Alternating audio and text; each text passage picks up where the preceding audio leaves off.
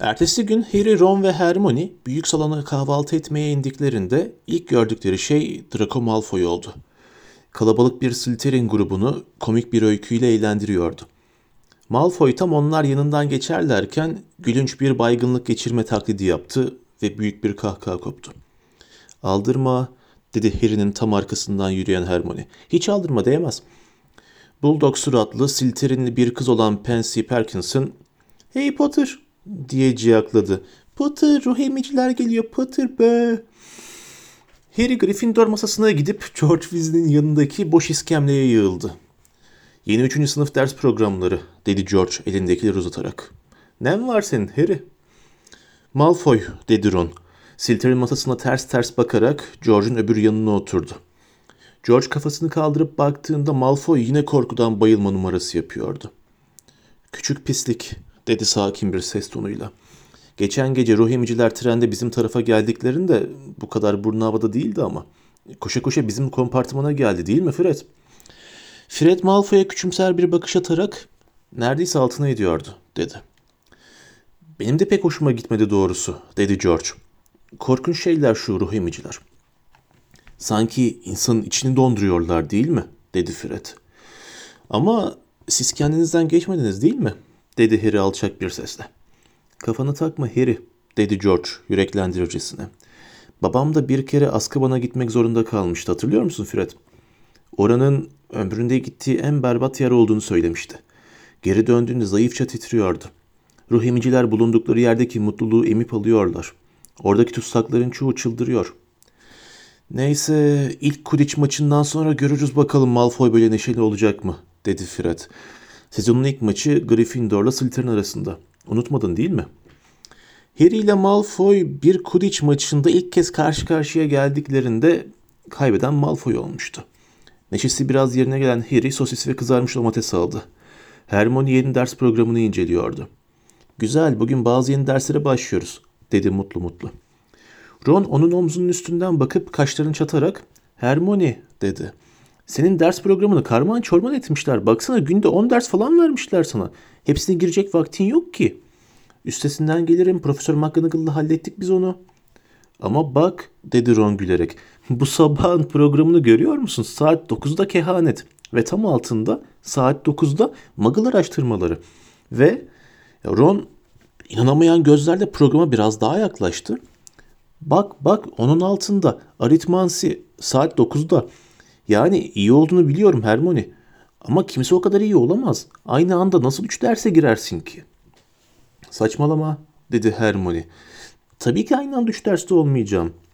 E o zaman marmelat uzatsana dedi Hermione. Ama aman Ron sana ne programın biraz doluysa diye kestirip attı Hermione. Dedim ya Profesör McGonagall'la hallettik. Tam o sırada büyük salonun içeri Hagrid girdi. Uzun köstebek derisi paltosunu giymişti ve kocaman elinde ölü bir kokarcayı tutmuş dalgın dalgın sallıyordu. Öğretmenler masasına doğru giderken durup ''İyisiniz ya'' dedi hevesle. ''Hayatta ilk dersime siz giriyorsunuz. Öğle yemeğinden hemen sonra. Sabah beşten beri ayaktayım. Hazırlık yapıyorum. Umarım sorun çıkmaz. Ben öğretmen ha. Vay be.''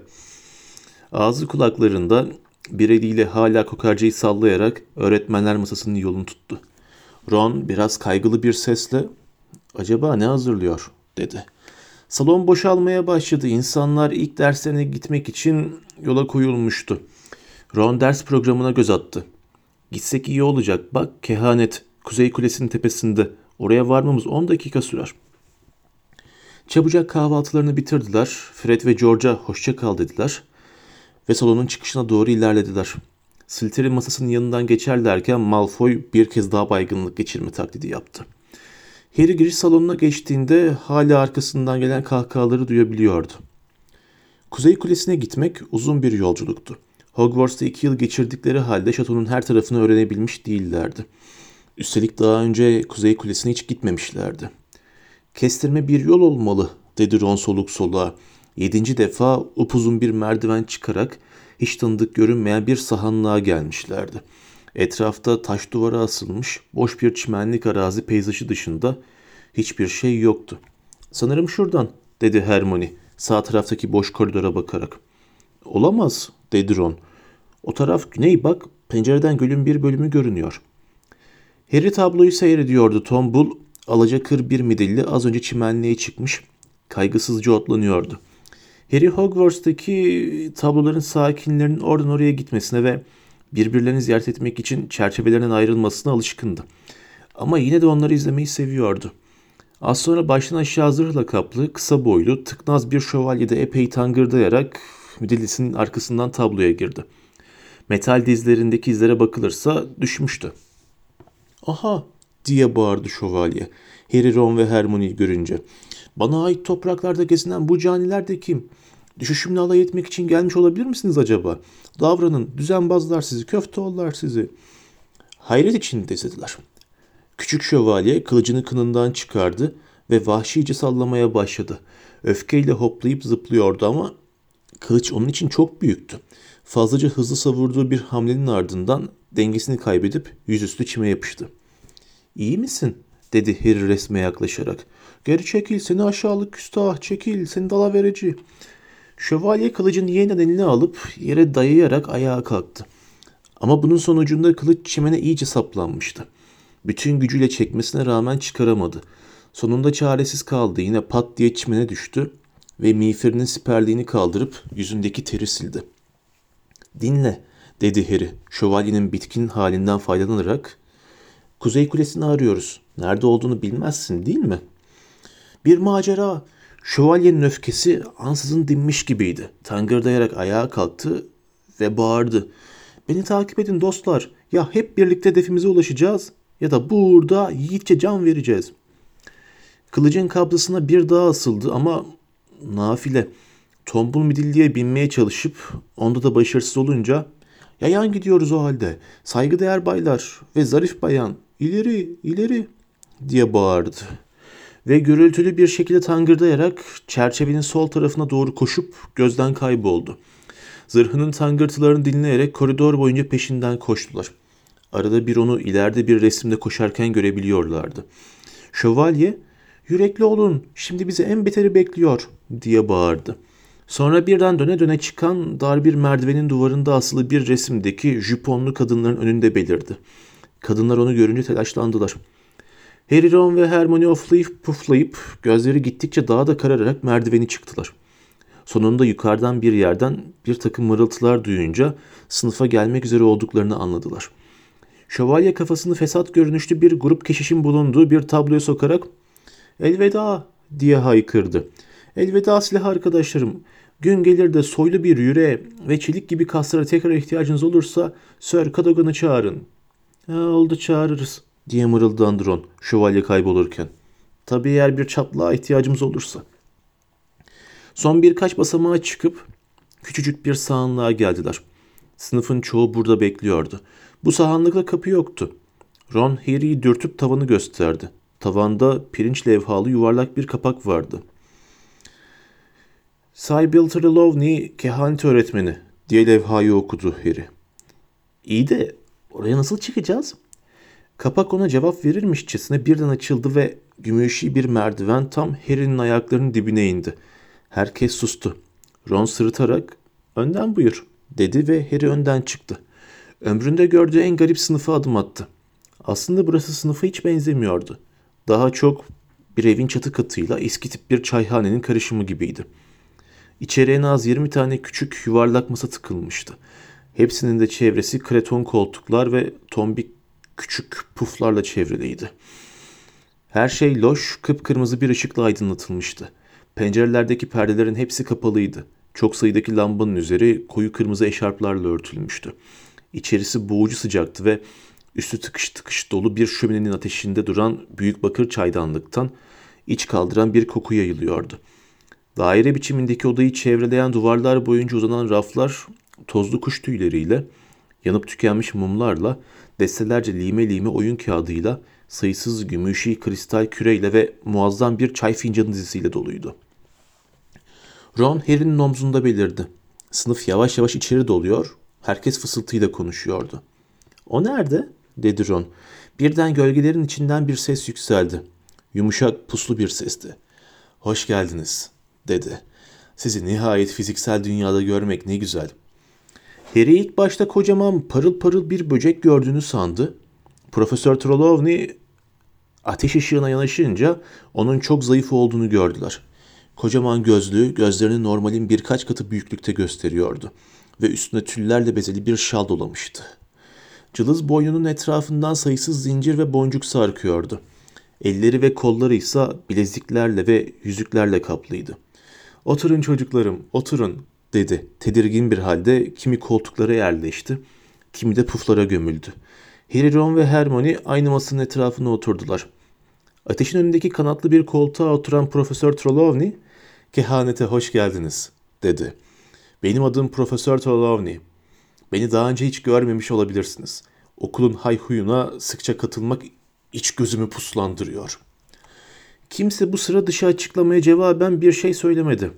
Profesör Trelawney şalını zarifçe düzeltip devam etti. Demek sihir sanatlarının en zoru olan kehaneti öğrenmeyi seçtiniz. Sizi baştan uyarmalıyım ki eğer sizde görü yoksa benim size öğretebileceğim pek az şey var demektir. Kitaplar insanı bu alanda ancak bir yere kadar götürüyor. Bu sözlerin üzerine hem Harry hem de Ron sırtarak Hermione'ye baktılar. Kitapların bu konuda pek faydası olmayacağı haberi onu şaşkına çevirmiş gibi görünüyordu. Birçok cadı ve büyücü gürültülü patlamalar, kokular ve aniden kaybolmalar konusunda her ne kadar yetenekli olsa da geleceğin üzerine örten peçenin ardındaki gizemleri kavrayamaz diye devam etti Profesör Trelawney. Kocaman, ışıldayan gözleri bir tedirgin yüzden diğerine geçerek dolaşıyordu. Bu pek azına bahşedilmiş bir lütuftur. Sen çocuk, dedi aniden. Neville az daha pufuyla birlikte devriliyordu. Ninen iyi mi? Sanırım, dedi Neville ürkekçe. Senin yerinde olsam o kadar emin olmazdım yavrum, dedi Profesör Trelawney. Ateşin ışığı uzun, zümrüt küpelerine vuruyordu. Neville yutkundu. Profesör Trelawney konuşmasına sakin sakin devam etti. Bu yıl kehanetin temel yöntemlerini işleyeceğiz. Birinci sömestr çay yapraklarını okumaya ayrılacak. Sonraki sömestrda ise el falına geçeceğiz. Bu arada yavrum dedi birden Parvati Patil'e bakarak. Kızıl saçlı bir adama karşı tetikte ol. Parvati tam arkasındaki Ron'a baktı ve sandalyesini ondan hafifçe uzaklaştırdı. Daha sonra da diye devam etti Profesör Trelawney. Kristal küreye geçeceğiz. Eğer o zamana kadar ateş alametleri bitirdiysek tabii. Ne yazık ki Şubat'ta derslere feci bir grip salgını sebebiyle ara verilecek. Benim sesim gidecek. Paskalya sıralarındaysa içimizden biri bizi sonsuza tek terk edecek. Bu beyanını çok gergin bir sessizlik izledi. Ama Profesör Trelawney farkında değil gibiydi. Yavrum acaba dedi Lavender Brown'a ve onun en yakınında oturan Lavender sandalyesinde büzüldü. Bana şu en büyük gümüş çay demliğini uzatabilir misin? Lavender yüzünde rahatlamış bir ifadeyle ayağa kalktı. Raftan kocaman bir çaydanlık aldı ve Profesör Trelawney'nin önündeki masanın üstüne koydu. Teşekkür ederim yavrum. Şu korktuğun şey var ya, 16 Ekim Cuma günü gerçekleşecek. Lavender titredi. Şimdi hepinizi çiftlere ayırmak istiyorum. Raftan birer çay fincanı alıp bana gelin. Ben fincanınızı dolduracağım. Sonra oturun, için. Sadece posası kalana kadar. Bunu sol elinizle fincanın içinde üç kere çevirin. Sonra fincanı tabağın üstüne baş aşağı koyun. Çayın son damlası da aktıktan sonra fincanınızı eşinize verin. Okusun. Şekilleri geleceğin siz perdesini aralamayın 5. ve 6. sayfalarına başvurarak yorumlayacaksınız. Ben de sınıfta dolaşarak size yardım edip yönlendireceğim. Bu arada yavrum, dedi tam kalkmak üzere olan Neville'ı kolundan yakalayarak. İlk fincanını kırdıktan sonra lütfen mavi desenli olanlardan alır mısın? Pembelere çok bağlıyım da. Gerçekten de Neville fincan rafına ulaşır ulaşmaz kırılan porselenin şıngırtısı geldi. Profesör Trelawney elinde bir faraş ve bir fırçayla ona doğru süzülüp ''Mavilerden yavrum'' dedi. ''Bir mahsuru yoksa teşekkür ederim.'' Harry ve Ron çay fincanlarını doldurup masalarına döndüler ve kaynar çayı çabucak içmeye çalıştılar. Posayı Profesör Trelawney'nin dediği gibi fincanın içine döndürdüler. Sonra da çay damlalarını iyice akıtıp fincanlarını birbirlerine verdiler. Peki dedi Ron. İkisi de kitaplarının 5. ve 6. sayfalarını açarken benimkine ne görüyorsun? Bir sürü ıslak kahverengi şey dedi Harry. Odadaki ağır kokulu duman kendini uykulu ve sersemlemiş hissetmesine neden oluyordu. Zihinlerinizi genişletin canlarım ve gözlerinizin dünyevi olanın ötesini görmesine izin verin. diye haykırdı Profesör Trelawney karanlığın içinden. Harry kendini toparlamaya çalıştı. Peki, çarpık çırpık bir haç işareti gibi bir şeyin var, dedi geleceğin sis perdesini aralamaka başvurarak. Bu sınav ve azap anlamına geliyor, kusura bakma. Ama güneş olabilecek bir şey de var burada, bekle. Anlamı büyük mutlulukmuş. Yani azap çekeceksin ama çok mutlu olacaksın. Bence senin iç gözüne bir baktırman gerekiyor, dedi Ron. Kahkahalarını zar zor bastırdılar. Profesör Trelawney tam onların bulunduğu yöne bakıyordu. Sıra bende. Ron, Harry'nin çay fincanına bakmaya başladı. Gösterdiği çabadan dolayı alnı kırış kırış olmuştu. Bir kabarcık var, bir melon şapkaya benziyor, dedi. Belki de sihir bakanlığı için çalışacaksındır. Fincanı öbür türlü çevirdi. Ama bu taraftan bakınca daha çok bir meşe palamuduna benziyor. Onun anlamı neymiş? Geleceğin sis perdesini aralamakı karıştırdı. Devlet kuşu. Beklenmedik altın. Ha, harika. Bana biraz borç verebilirsin. Burada bir şey var. Deyip fincanı yine çevirdi. Bir hayvana benziyor. Evet şu kafası ise bir su aygırına benziyor. Yok bir koyuna. Harry kahkahasını tutamayınca Profesör Trelawney birden onlara döndü. Ben bir bakayım yavrum dedi Ron'a azarlarcasına. Hemen gelip Ron'dan Harry'nin fincanını kaptı.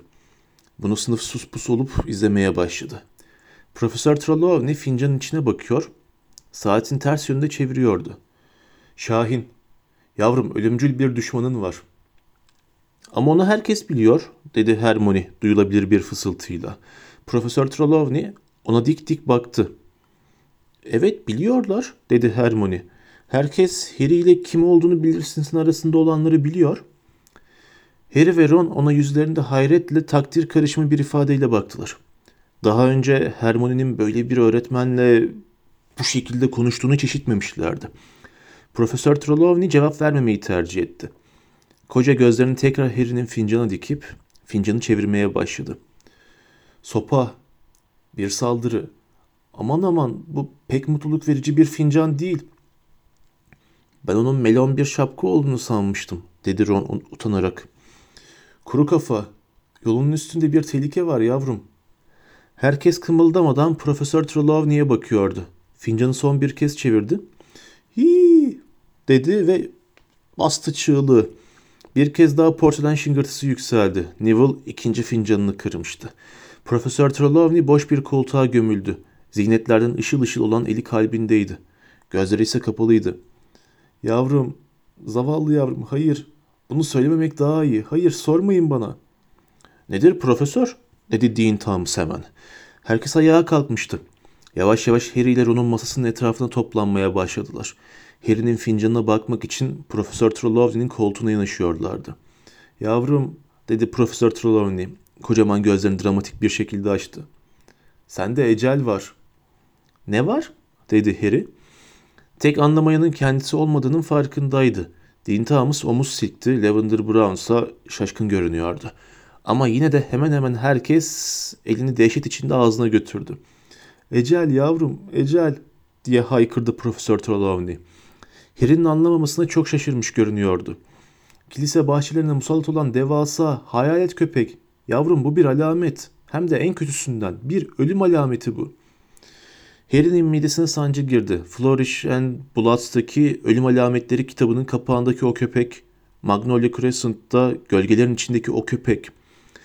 Lavender Brown da elini korkuyla ağzına kapadı. Herkes Harry'e bakıyordu. Bir kişi dışında. Hermione ayağa kalktı ve Profesör Trelawney'nin koltuğunun arkasına yanaştı. Bence o bir ecele benzemiyor, dedi kararlı bir sesle. Profesör Trelawney Hermione'ye giderek artan bir antipatiyle süzdü. Kusura bakma yavrum ama senin etrafında pek az ağrı görüyorum. Geleceğin titreşimlerine karşı pek açık değilsin. Seamus Finnegan başını bir o yana bir bu yana yatırıyordu. Buradan bakınca bir ecel gibi görünüyor, dedi gözlerini neredeyse kapayarak. Ama buradan daha çok bir eşeğe benziyor, dedi başını sağa sola sallayarak. Bir zahmet benim ölüp ölmeyeceğime bir karar verseniz artık, dedi Harry ağzından çıkanlara kendi de şaşırarak. Kimse ona bakmak bile istemiyordu. Sanırım dersi bugün burada bitiriyoruz, dedi Profesör Trelawney. En puslu sesiyle, Evet, lütfen malzemelerinizi kaldırın. Herkes çay fincanlarını sessiz sessiz Profesör Trelawney'e götürdü. Kitaplarını kaldırıp çantalarını kapattı. Ron bile Harry ile göz göze gelmekten kaçınıyordu. Bir dahaki sefere dek, dedi Profesör Trelawney, ölgün bir sesle. Kısmetiniz açık olsun. Ha yavrum bu arada, dedi Neville'a işaret ederek. Bir dahaki derse geç kalacaksın. O yüzden arayı kapatmak için fazladan çalış. Harry, Ron ve Hermione Profesör Trelawney'nin gümüşi merdiveninden ardından da döne döne inen merdiveninden hiç konuşmadan indiler. Ve Profesör McGonagall'ın biçim değiştirme dersinin yolunu tuttular.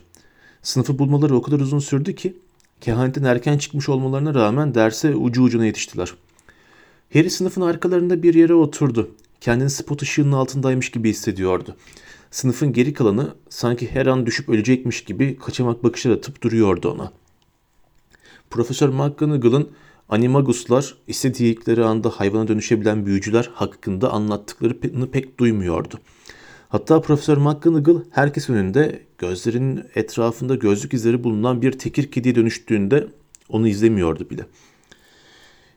Neyiniz var bugün dedi Profesör McGonagall puf diye normal haline dönüp sınıftakilere bakarak Gerçi benim için fark etmez ama ilk defa bir dönüşüm sınıftan alkış almıyor.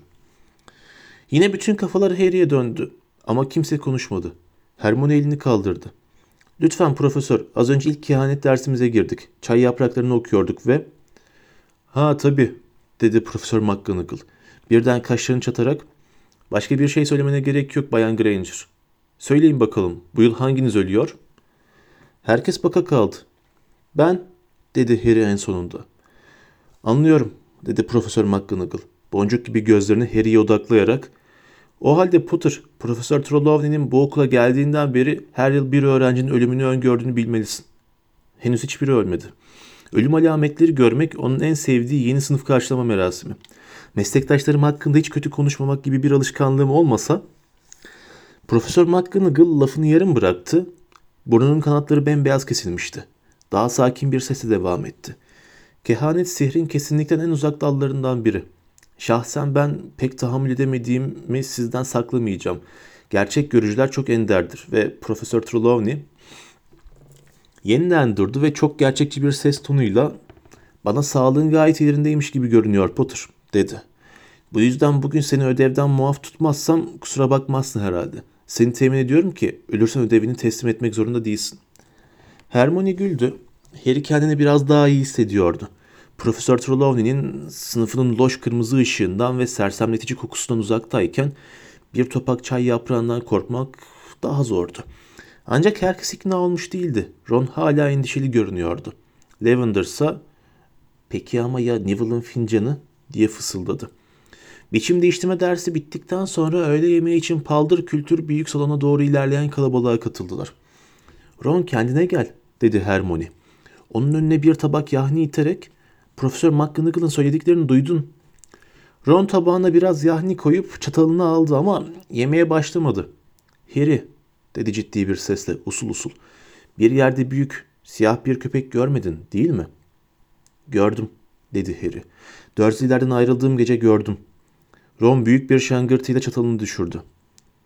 Büyük ihtimalle bir sokak köpeğidir, dedi Hermione sakin sakin. Ron Hermione öyle bir bakış baktı ki aklını kaçırdığını düşünüyormuş gibiydi. Hermione, Harry bir ecel gördüyse bu, bu çok fena dedi. Amcam Bilius amca bir tane görmüştü. 24 saat sonra öldü. Tesadüf dedi Hermione ciddiyi almadan. Kendine biraz daha bal kabağı suyu koydu. Sen ne dediğini bilmiyorsun dedi Ron kızmaya başlayarak. Eceller çoğu büyücünün ödünü koparır. E ondan öyleyse dedi Hermione üstünlük taslayan bir sesle. Eceli görüp korkudan ölüyorlar demek. Ecel ölümün alameti değil, sebebi yani. Harry'nin hala bizimle birlikte olmasının sebebi ise öyle bir şey görüp peki o zaman ben artık nalları dikeyim diye düşünmemesi. Ron ağzını açtı ama bir şey demedi.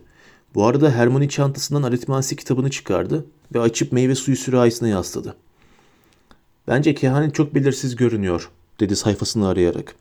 Bana sorarsın işin içinde fazlaca da tahmin yürütme var. O fincandaki ecelin belirsiz bir tarafı yoktu, dedi Ron hararetle. Harry'e onun bir koyun olduğunu söylerken bu kadar emin görünmüyordun ama, dedi Hermione soğukkanlılıkla. Profesör Trelawney senin iyi bir avran olmadığını söyledi. Bir kerecik olsun bir konuda kötü olmak hoşuna gitmiyor değil mi? Damarına basmıştı. Hermione aritmansi kitabını masaya öyle sert vurdu ki et ve havuç parçaları dört bir yana saçıldı. Kehanette iyi olmak bir topak çay bar yaprağında ölüm alametleri görmek anlamına geliyorsa o ders uzun süre devam edeceğimi sanmıyorum. Aritmansi dersimle karşılaştırıldığında tam bir kepazelikti. Çantasını kapıp sinirli sinirli uzaklaştı. Ron kaşlarını çatarak onun arkasından baktı. Neden bahsediyor? dedi Harry'e. Daha aritmansi dersine girmedi ki. Harry öğle yemeğinden sonra şatodan çıkabildiği için memnundu. Önceki günkü yağmur dinmişti. Hayatlarındaki ilk sihirli hayvanların bakımı derslerine giderlerken gökyüzü açık, soluk bir gri renkti. Ayaklarının altındaki çimense esnek ve nemliydi.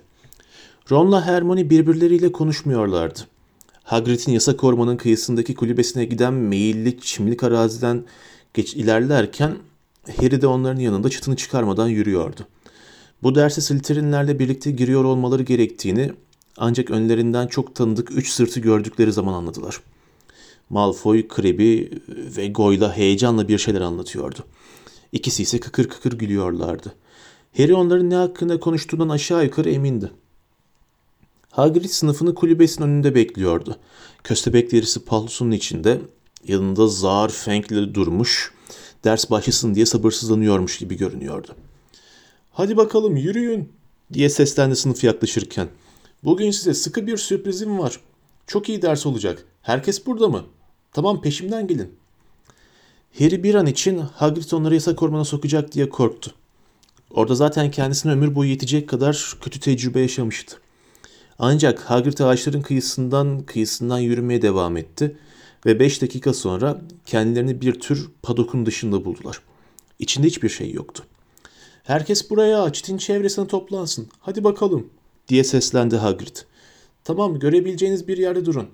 Şimdi önce kitaplarınızı açsanız iyi olur. Nasıl? dedi Draco Malfoy'un soğuk, uyuşuk sesi. Ha? dedi Hagrid.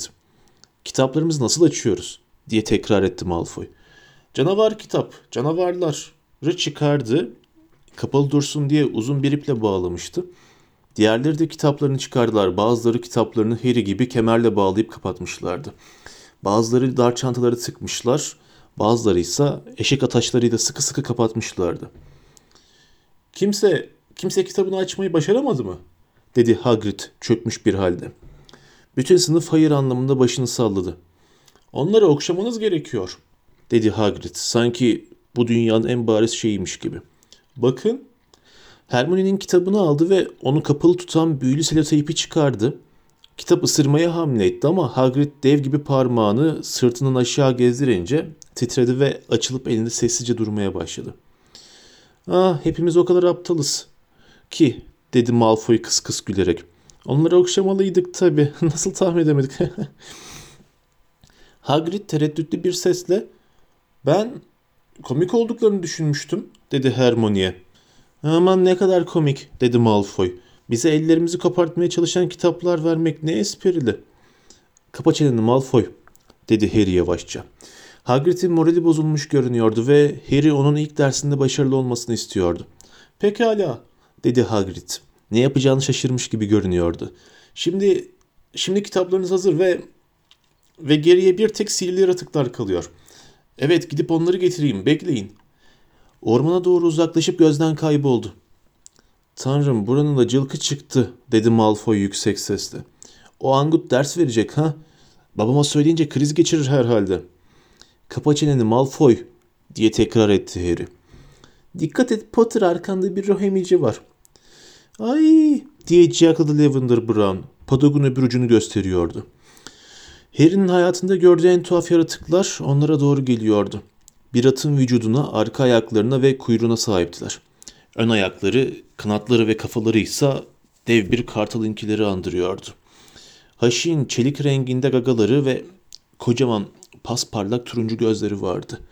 Ön ayaklarının ucundaki yaklaşık 15 santim uzunluğunda pençeleri ölümcül görünüyordu. Hayvanların her birinin boynunun etrafında kalın bir deri tasma vardı.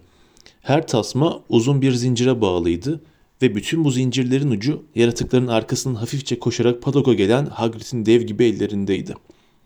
''Ne haber?''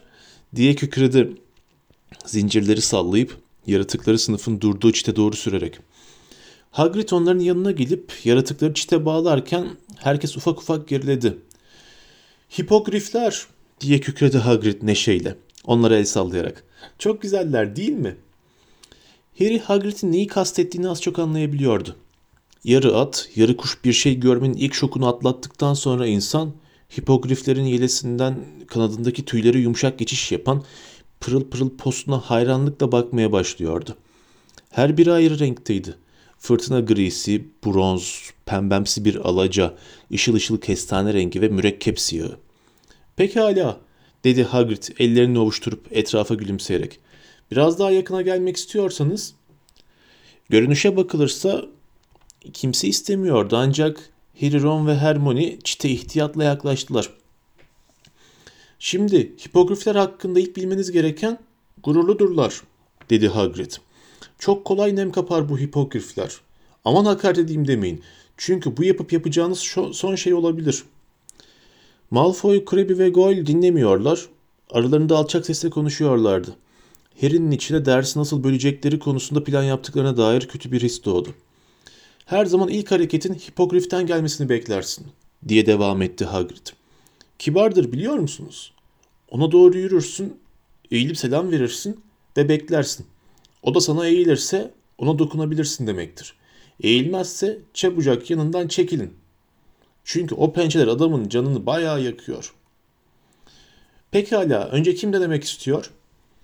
Sınıfın büyük bir bölümü bu soruya cevaben daha da geriledi.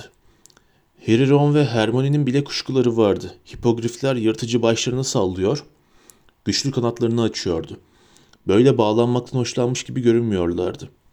Yok mu kimse? Dedi Hagrid yalvaran gözlerle. Ben denerim, dedi Harry. Arkasında birisi sesli bir şekilde nefesini tuttu ve hem Lavender hem de Parvati ''Yo hayır Harry çay yapraklarını hatırla'' diye fısıldadılar. Harry aldırış etmedi. Padok çitine tırmandı. ''Aferin Harry'' diye kükredi Hagrid. ''Pekala bakalım Şah Gaga ile anlaşabilecek misin?'' Zincirlerden birini çözdü. Gri hipogrifi arkadaşlarından ayırdı ve deri tasmasını çıkardı. Padok'un öbür tarafındaki sınıfta herkes nefesini tutmuş gibiydi. Malfoy'un gözleri melun melun kısıldı. ''Dikkat et Harry'' dedi Hagrid sessizce. ''Göz teması kurdun. Gözünü kırpmamaya çalış şimdi. Öyle gözünü çok kırpıştırırsan hipogrifler sana güvenmez.'' Harry'nin gözleri anında sulanmaya başladı ama onları kapamadı. Şahgaga kocaman sivri kafasını çevirip vahşi turuncu gözünü Harry'e dikti. ''İşte böyle'' dedi Hagrid. ''İşte böyle Harry, şimdi değil.'' Harry Şahgaga'ya ensesini açmak fikrinden pek hoşlanmamıştı. Ama kendisine söyleneni yaptı. Hafifçe eğildi ve gözlerini kaldırıp yukarı baktı. Hipogrif hala tepesinde durmuş ona bakıyordu. Kıpırdamıyordu. Of dedi Hagrid endişeli bir sesle. Pekala şimdi geri çekil Harry yavaş yavaş.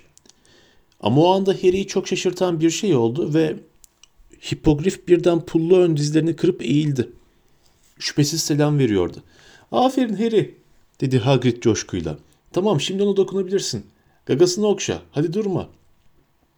Aslında dönüp gitmenin kendisinin daha hayrına olacağını düşünen Harry ağır ağır hipogrife yaklaştı ve elini uzattı.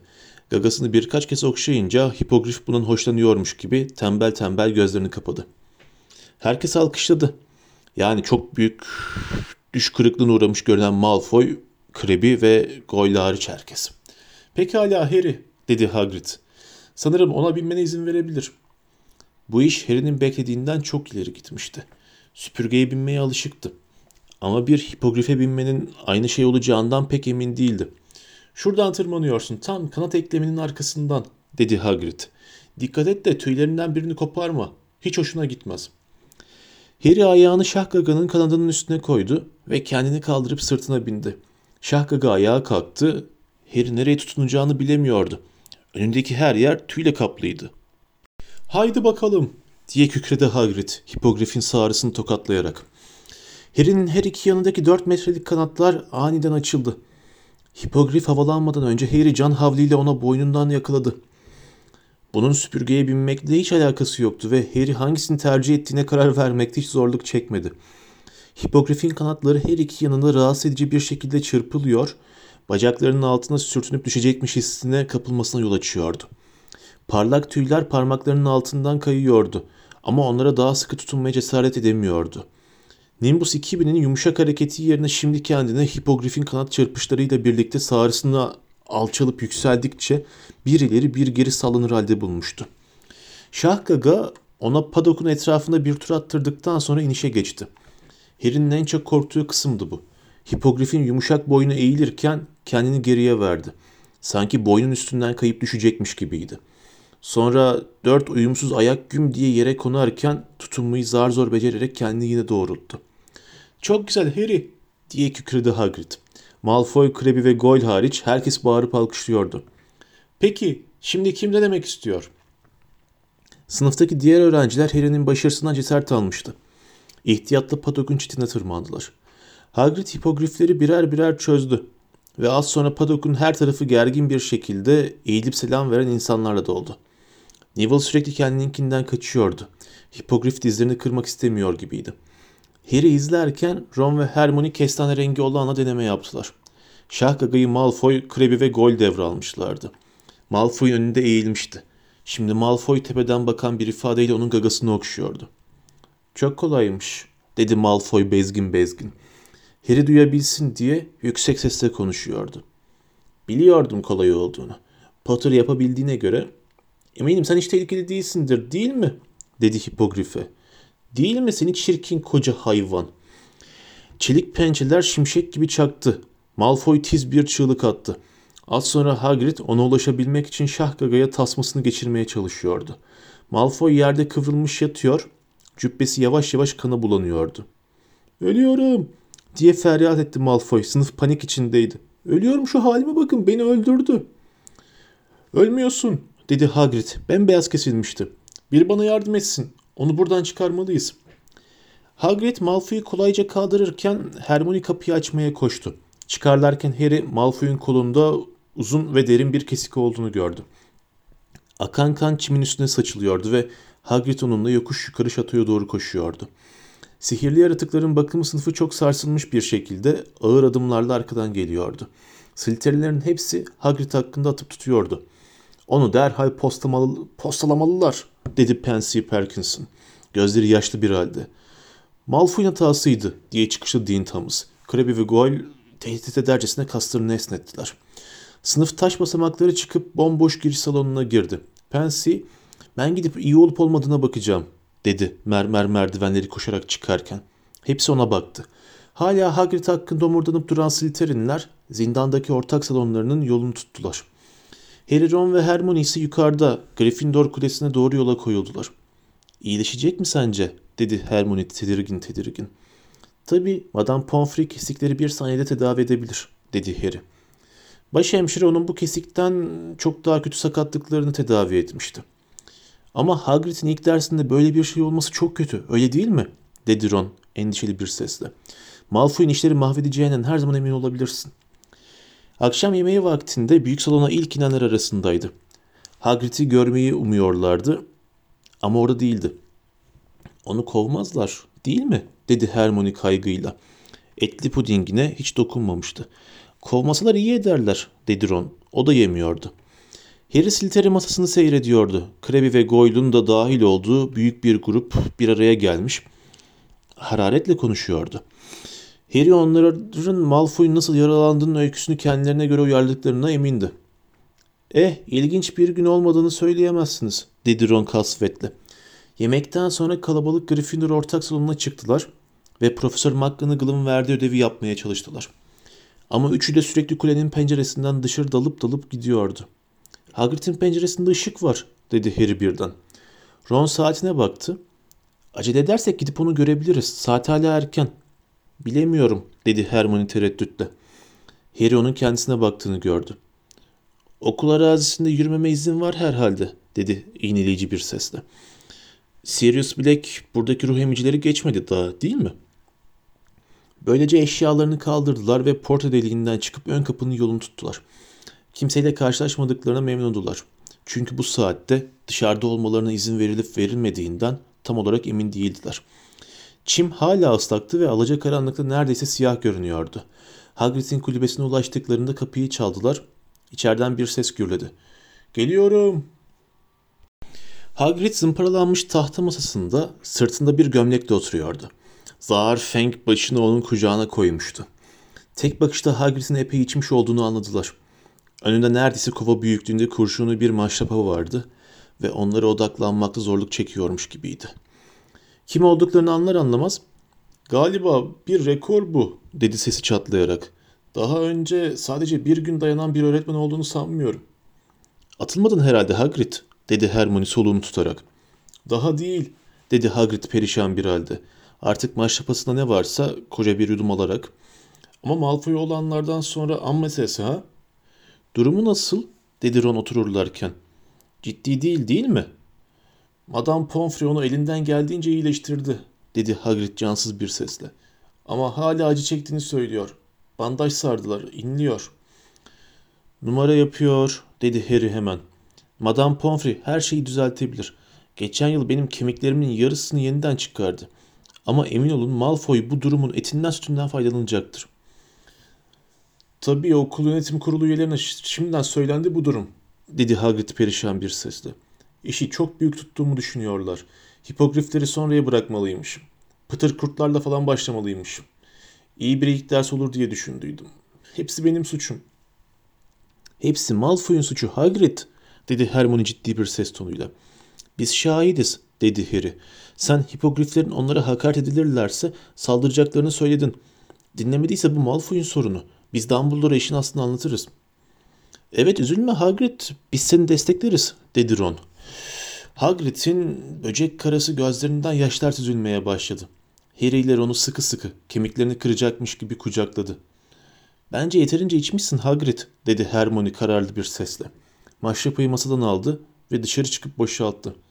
Eh galiba ha- haklı, dedi Hagrid. Harry ile onu bıraktı, kaburgalarını sıvazlayıp sendeleyerek gerilediler. Hagrid büyük bir çabayla iskemlesinden kalktı ve Hermione'nin peşinden dışarı çıktı. Büyük bir şapırtı duyuldu. O ses neydi? dedi Harry tedirgin bir halde. Hermione elindeki boş maş maşrapayla dönmüştü. Kafasını su fıçısına soktu, dedi Hermione, maşrapayı ortalıktan kaldırarak. Hagrid geri geldi. Uzun saçı ve sakalı sırılsıklamdı. Gözlerindeki suyu silmekle meşguldü. Böylesi daha iyi, dedi. Kafasını bir köpek gibi sallayıp hepsini ısıtarak Bakın gelip beni görmekle ne büyük iyilik ettiniz. Ben gerçekten... Hagrid birden kala kaldı. Harry'e sanki onun orada olduğunu yeni fark etmiş gibi bakıyordu. Sen ne yaptın sanıyorsun ha? diye kükredi. O kadar ani olmuştu ki bu. Yerlerinden yarım metre sıçradılar. Karanlık basınca ortalıkta dolaşmaman gerekiyor Harry. Ya siz ikiniz nasıl izin verirsiniz ona? Hagrid Harry'nin üstüne doğru yürüdü. Onu kolundan yakaladı ve çekerek kapıya götürdü. Yürüyün dedi kızgın bir sesle. Hepinizi okula geri götürüyorum. Bir daha da karanlık bastıktan sonra ben ortalıkta dolaştığını görmeyeceğim senin. Buna değmem ben